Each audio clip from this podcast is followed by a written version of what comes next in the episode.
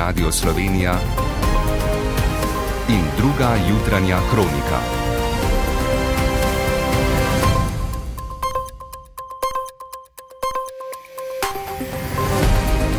Ura je sedem. Dobro jutro. Lepo pozdravljeni. Varnostni svet Združenih narodov je po več kot enem mesecu spopadov med Izraelom in Hamasom potrdil resolucijo s pozivom k humanitarni prekinitvi ognja in izpustitvi talcev v Gazi. Nothing was spared, not our hospitals, Kot podarja stalni opozovalec za palestinsko vprašanje pri Združenih narodih Rijat Mansur, niso prizanesli ne bolnišnicam in šolam, ne njihovim domovom, zato bi morali k prekinitvi ognja pozvati že zdavnaj.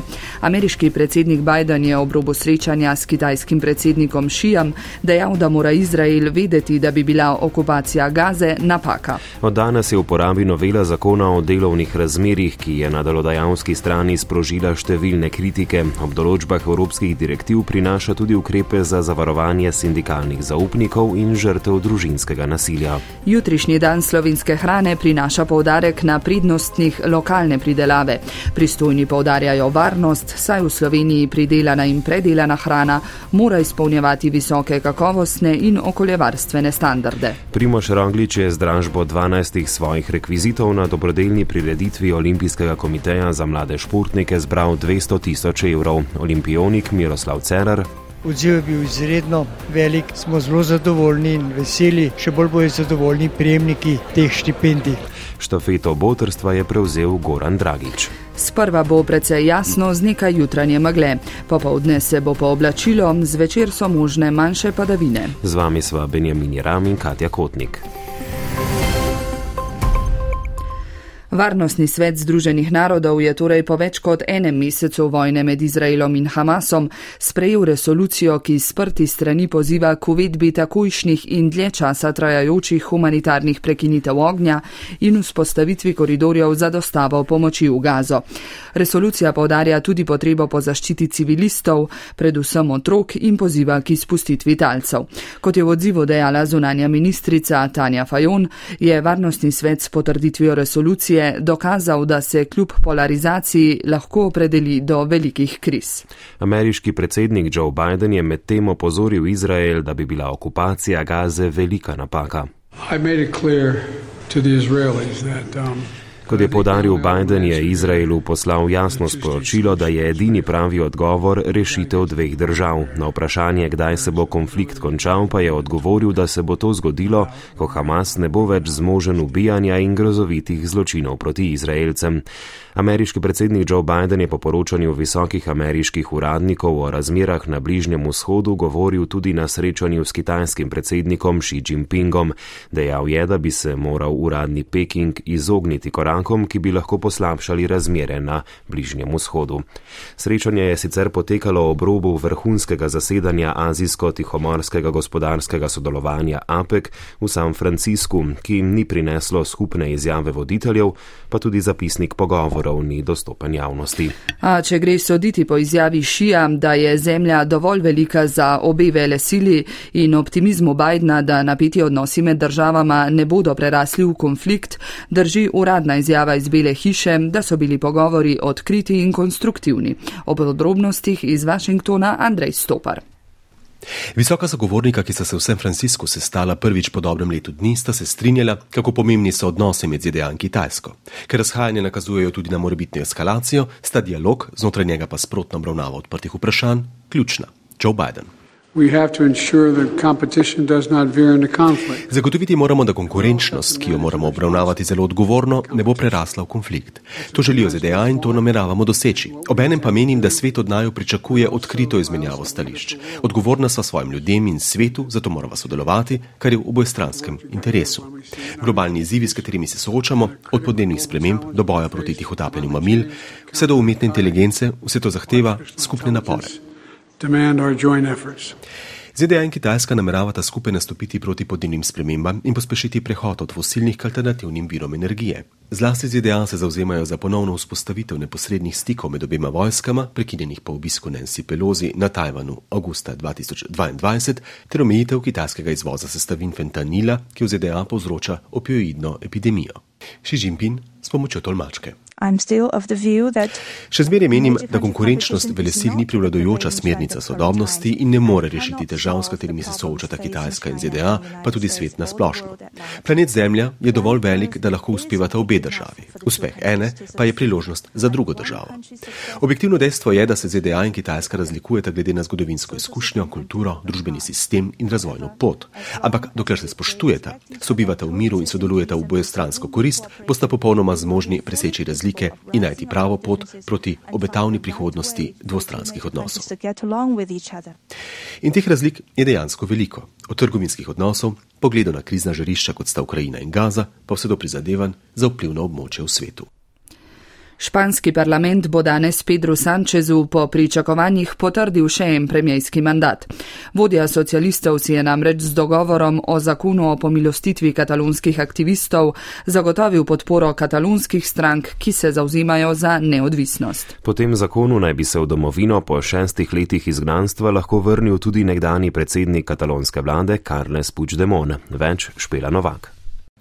Dogovor, v skladu s katerim je Pedro Sanchez katalonskim separatistom v zameno za njihovo podporo obljubil amnestijo sodno preganjanih katalonskih aktivistov, je v Španiji sprožil veliko razburjanja in tudi proteste, ki jih spodbujata zlasti ljudska stranka in skrajno desna stranka Vox. Predlog zakona je bil predstavljen v ponedeljek, a pot do sprejetja je še dolga, o precej verjetni presoji na ustavnem sodišču. Buenos días, eh, egunon, bon dia, bos días. Kandidat za predsednika vlade Sanchez je včeraj ob začetku razprave v parlamentu pozdravil tudi v katalonskem, galicijskem in baskovskem jeziku in dejal, da so mirni protesti ustavna pravica, predlog zakona o pomilostitvi pa pravno povsem nesporen. Sicer pa je napovedal, da bo vlada nadaljevala ukrepe, ki vodijo k večji stabilnosti, zaščiti zaposlenih in revnejših, zlasti pri dostopu do stanovanj. Med poglavitnimi izzivi pa izpostavil tudi podnebno krizo, katere posledice že močno občuti del države, ki se sooča z dolgotrajnimi sušami. Pozval je k premirju v Gazi, ki spustitvi talcev, ki jih je zajel Hamas, silovitost izraelskih napadov pa označil kot neupravičeno. Glede vojne v Ukrajini pa, da mora Evropa podpirati Kijev vse vse do odhoda zadnjega ruskega vojaka z ukrajinskega ozemlja. Od danes je v uporabi novela zakona o delovnih razmerjih. Ob določbah evropskih direktiv, kot je petdnevni oskrbovalski dopust, prinaša tudi ukrepe za zavarovanje sindikalnih zaupnikov in žrtev družinskega nasilja. Ministr za delo Luka Mesec je v kratkem napovedal še en poseg v zakon, ki naj bi socialni ko naj bi socialni partnerji uskladili še izločene rešitve, sindikati in delodajalci pa bodo na pogajanja vabljeni z dodatnimi predlogi. Zakon o evidentiranju delovnega časa, ki naj bi začel veljati v ponedeljek, je napisan tako, da ni izvedljiv v praksi, je za portale NN dejal minister Matjaš Han. Kot je dodal, namerava SD na današnjem sestanku koalicije pred sejo vlade odpreti to vprašanje. Po neuradnih informacijah NN je zdaj ena od možnosti zamrznitev zakona, dokler ne bo dogovora o morebitnih popravkih. Sodniki in člani sodniškega društva so pozno zvečer na izrednem občnem zboru vladi postavili ultimat. Če do 3. januarja ne bo uresničila odločbe ustavnega sodišča in njihovih plač izenačila s poslanskimi in ministerskimi, bodo v začetku januarja na sodiščih najprej protestni shodi sodnikov, sledile bodo priprave na stavko. Več bodo sporočili danes. K pravočasni uresničitvi ustavne odločbe vlado poziva tudi sodni svet. Ministrica za pravosodje Dominika Švarc-Pipan je napovedala začasno rešitev. Denar za plače sodnikov naj bi zagotovili zakonom o izvrševanju proračuna. Nadaljujemo z vprašanjem, ali je bila oktobrska sodba vrhovnega sodišča, v kateri so ugodili zahtevku za ničnost posojilne pogodbe v švicarskih frankih, res precedenčna. Odstopala naj bi namreč od dozdajšnje pravne prakse. Stališča do tega so različna. Posojilo je malci v švicarskih frankih trdijo, da je sodišče potrdilo ničnost pogodbe, banke pa opozarjajo, da gre za odločitev sodišča brez obrazložitve, česar v slovenskem pravnem sistemu še ni bilo. Urška je rep. Vrhovno sodišče je oktobra dosodilo ničnost posojila v švicarskih frankih in ugotovilo, da banka ni imela valutnega tveganja. Po oceni predstavnika Združenja Frank Matjaža Sušnika to pomeni, da bo vsak, ki bo šel v tožbo, to tožbo tudi dobil. Trditev bank, da kaj bi bilo, če bi šla stvar v drugo smer, je popolnoma irrelevantna, ker naš zakon je jasen in pravi, da so pogodbe nepoštene in s tem nične, če vnašajo znatno nerso razmerje med pravicami in obveznostmi pogodbenih strank. Menim, da gre za odstop od zdajšnje sodne prakse, pa pravi pravnik dr. Rajko Pirnat. Sodba je namreč zaustrila kriterije, po katerih se presoja, ali je banka opravila svojo pojasnilno dožnost samo če mu je z grafi in z izračuni eh, zelo podrobno pojasneno, kaj je lahko učinek eh, zmanjšane vrednosti domače valute na, eh, na posojilo, da samo takrat je bila ta pojasnilna dolžnost pravilno izpolnjena. To pa je več, kot so do zdaj zahtevala naša sodišča, dodaja Pirnat. Predsednica Združenja bank Stanislava Zadravacka pri Rolo mu pritarjuje in opozori, da taka razsodba ne upošteva, da bi se lahko tečaj spremenil tudi v korist kreditojemalcem. To se zdi precej problematično. Če pogodbo skleneš in se stvari obrnejo tebi v prid, potem dobro, če se pa obrnejo drugače, potem pa jo lahko razveljaviš. Ne. To je srž te zaskrbljenosti, ki sega precej, precej dlje od, od samo teh specifičnih pogodb. Po podatkih Združenja Frank se število sodb v korist posojile malcev v švicarskih frankih letos krepi. Od februarja naj bi jih tako na različnih stopnjah zaznali že več kot 25. Jutri na dan slovenske hrane bodo otroci v vrtcih in šolah v okviru projekta Tradicionalni slovenski zajtrk dobili samo lokalno pridelana živila. V Sloveniji pridelana in predelana hrana mora izpolnjevati visoke kakovostne in okoljevarstvene standarde, zato je njeno uživanje varno. Toda, ker ni cenovno konkurenčna, bi je težak boj, da pride na naše krožnike. Več je nekaj drolec. Delež slovenske hrane v šolskih jedilnikih se je v nekaj več kot desetih letih povečal. Pri tem je pomagala država, ki je v sistemu javnih naročil postopno višala minimalne zahteve. Trenutno veljavna uredba o zelenem javnem naročanju javnim zavodom predpisuje obvezne deleže ekološke in slovenske hrane in sicer od skupne naročene količine 15 odstotkov ekoloških živil in najmanj 20 odstotkov živil izbrane kakovosti ter drugih schem kakovosti. Samo osnovne šole so so lani nabavile za več kot 90 milijonov evrov živil, pravi Irina Simčič iz Zavoda za šolstvo Republike Slovenije. In če je samo tretjina lokalne, smo nabavili v osnovnih šolah za več kot 30 milijonov evrov živil. Največ pa zaužijemo hrane, ki jo kupimo v trgovinah, kjer je najpomembnejša cena. Pri tem se slovenski proizvajalci znajdejo v neusmiljeni bitki za police. Bo prevzem tuša strani Merkatorovih lasnikov zmanjšal dostop potrošnikom do slovenske hrane.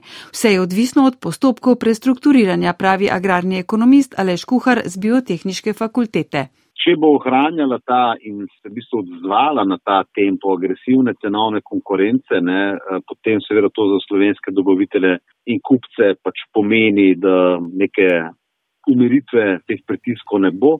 To bi bilo slabo za slovensko agroživilsko verigo, a tudi trgovci so že izkusili težave zaradi prekinjenih dobavnih poti iz tujine.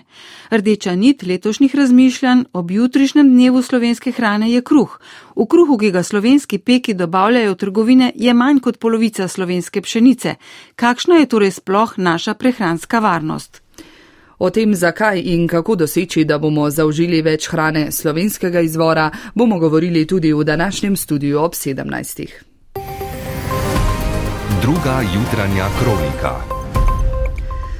Žrtve nasilja, ki se iz nevarnih razmer umaknejo v varne hiše, se po letu dni bivanja tam pogosto znajdejo v stiski, saj ne morejo do primernega stanovanja.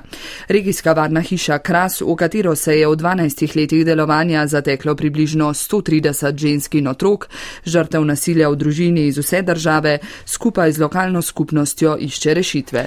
Ena od občin z tistega območja je Centru za socialno delo Južna Primorska ponudila starejšo hišo, v kateri so v uredili garsoniero, za prenovo stanovanja pa je zmanjkalo denarja. Tega iščejo predvsem z donatorskimi sredstvi. Sabrina Mulec.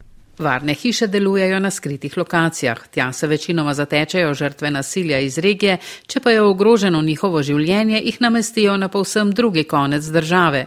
Pomočnica direktorice Centra za socialno delo Južna Primorska enota Sežana Kristina Dekleva pojasnjuje, da ob nasilju v družini najprej posreduje policija. Takrat se vključi tudi Centr za socialno delo, ob tem dobi žrtev napotke, da se lahko takoj umakne na varno lokacijo. Običajno je taka varna lokacija krizni centr za žrtve nasilja. Tudi v okviru Centra za socialno delo Južna Primorska imamo tak centr tudi na tajni lokaciji. In iz tega centra potem čim prej poskušamo urediti neko trajnejšo namestitev in to je običajno regijska varna hiša Kras. Strokovna vodja programa Nataša Prelesnik Orošec pravi, da se ženske po letu dni, ko morajo varno hišo zapustiti, pogosto znajdejo v stiski. Ker je zelo malo stanovanj na voljo, takih dostopnih. In pogosto tudi postopki na sodišču še niso zaključeni, tako da bi bile ženske varne in da bi res samostojno lahko zaživele.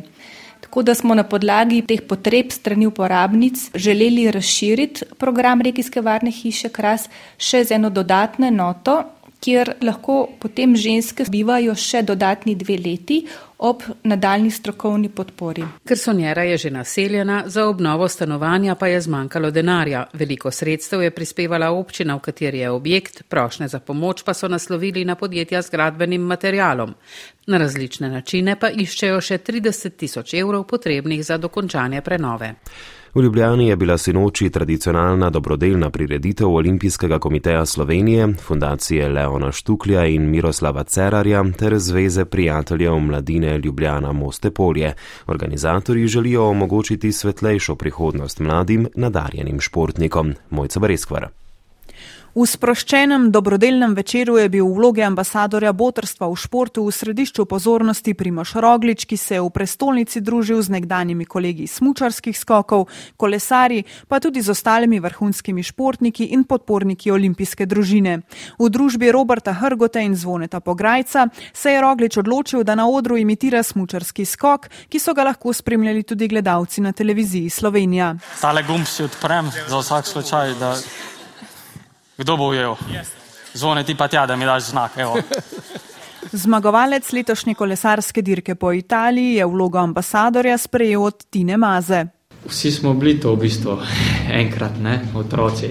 In uh, ravno to, da ti možnost, da skozi igro uh, delati nekaj, to je ja, tisto, kar želimo res uh, poskrbeti in uh, je ja, res samo v, v izjemno čast. Z dražbo kolesarskih in smučarskih rekvizitov Primoža Rogliča je fundacija Leona Štuklja in Miroslava Cerarja zbrala rekordnih 200 tisoč 180 evrov. Olimpijonik Miroslav Cerar. Odziv je bil izredno velik, smo zelo zadovoljni in veseli, še bolj bojo zadovoljni prejemniki teh štipendij. Žogico dobrodelnosti je kot nov ambasador nadaljavo sprejel Goran Dragič, kapetan zlate slovenske košarkarske reprezentance, ki se je pošalil, da ne vstopa v prevelike čevlje. Ok, stopam v manjše čevlje, ampak v resnici obljubljam, da bom naredil vse, da izenačim zbrana sredstva.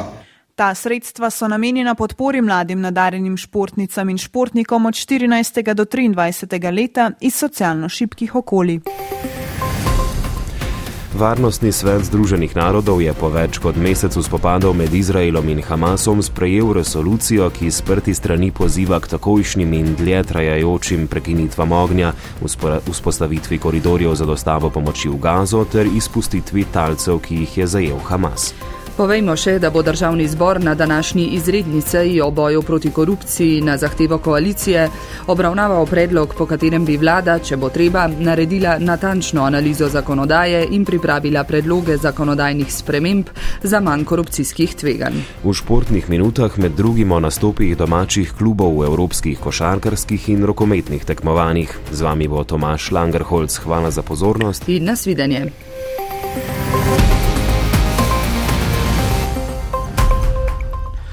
V sedmem krogu rokometne lige prvakov sedmi poraz celjanov, v Zlatorogu pred skoraj 4000 gledalci 40 proti 33 boljši Vesprem, 9 golov je dosegel francos Deska, 3 Gašper Marguč, za celjane 7 golov Tima Cokana. No, ja, mislim, mi smo dali vse od sebe. Um, vemo, da je Vesprem trenutno ena izmed najboljših ekip v Evropi. Um, ja, kot, kot sem rekel, vse smo dali od sebe, na vsako tekmo se pripravimo maksimalno. Smo mlada ekipa, imamo čas za napredek, mislim, vsake tekme si dvigujemo in ja, gremo naprej. Omeniti velja pet golov 17-letnega Maja Marguča, Vesprem pa bo medsebojno tekmo osmega kroga gostil prihodnji četrtek, v drugi sinočni tekmi te skupine Montpellier Porto 35 proti 24. Košarkari Olimpije so po sedmih krogih Evropskega pokala zdaj še edina ekipa brez zmage v svoji skupini. Svojo prvo je v Stožicah 86 proti 83 včeraj vknjižil Hamburg.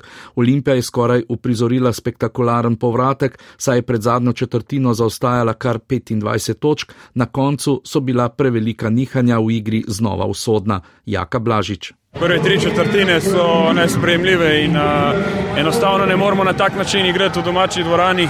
Potem pa začetek četrte, nekako začeli ta preobrat in igrali res agresivno, borili tako, kot bi se mogli prve tri četrtine in uh, na koncu je zmanjkalo. Uh. Domači kapetan je bil 24 točkami najboljši strelec obračuna, Klemen Prepelič jih je dodal 23. V Las Palmasu na Kanarskih otokih se bo s prvimi regatami 16. finala nadaljevala finalna serija Zlatega pokala v Jadranju. Slovenska reprezentanca se bo merila v skupini z Litvo, Kanado in Japonsko. Kapetanski trak je Vasiliš Bogar predal Tini Mrak. Razpoloženje je zelo dobro, tako da vsi že pričakujemo regate. Sedaj smo dva dni imeli za početek in regeneracijo. Štartamo kot četrti po vrsti in uh, bomo imeli še nekaj časa, da uskladimo novo ekipo in da jim prinesemo vse informacije z prvega kroga, tako da bomo dali vse od sebe, da napredujemo še v naslednji krok. Mednarodna teniška zveza je ob koncu sezone posodobila jakostno lestvico. Slovenija, ki se je na zaključnem turnirju pokala Billie Jean King v Sevilji uvrstila med štiri najboljše države na svetu, je napredovala za štiri mesta in je zdaj štirinajsta. Na vrh je skočila Kanada, ki je v finalu premagala Italijo. Današnji večer bo v znamenju nogometa, saj je na sporedu prvih devet tekem devetega kroga kvalifikacij za nogometno evropsko prvenstvo. Slovenska reprezentanca pa bo danes odpotovala v dansko prestolnico Kebenhaven, kjer jo jutri čaka tekma proti Danski, kjer zmaga že prinaša uvrstitev na prvenstvo stare celine, ki bo prihodne leto potekalo v Nemčiji. Poslušali ste drugo jutranjo kroniko, urednica Barbara Cujnik, voditelja Katja Kotnik in Benjamin Ram, tonski mojster Marko Čebulj.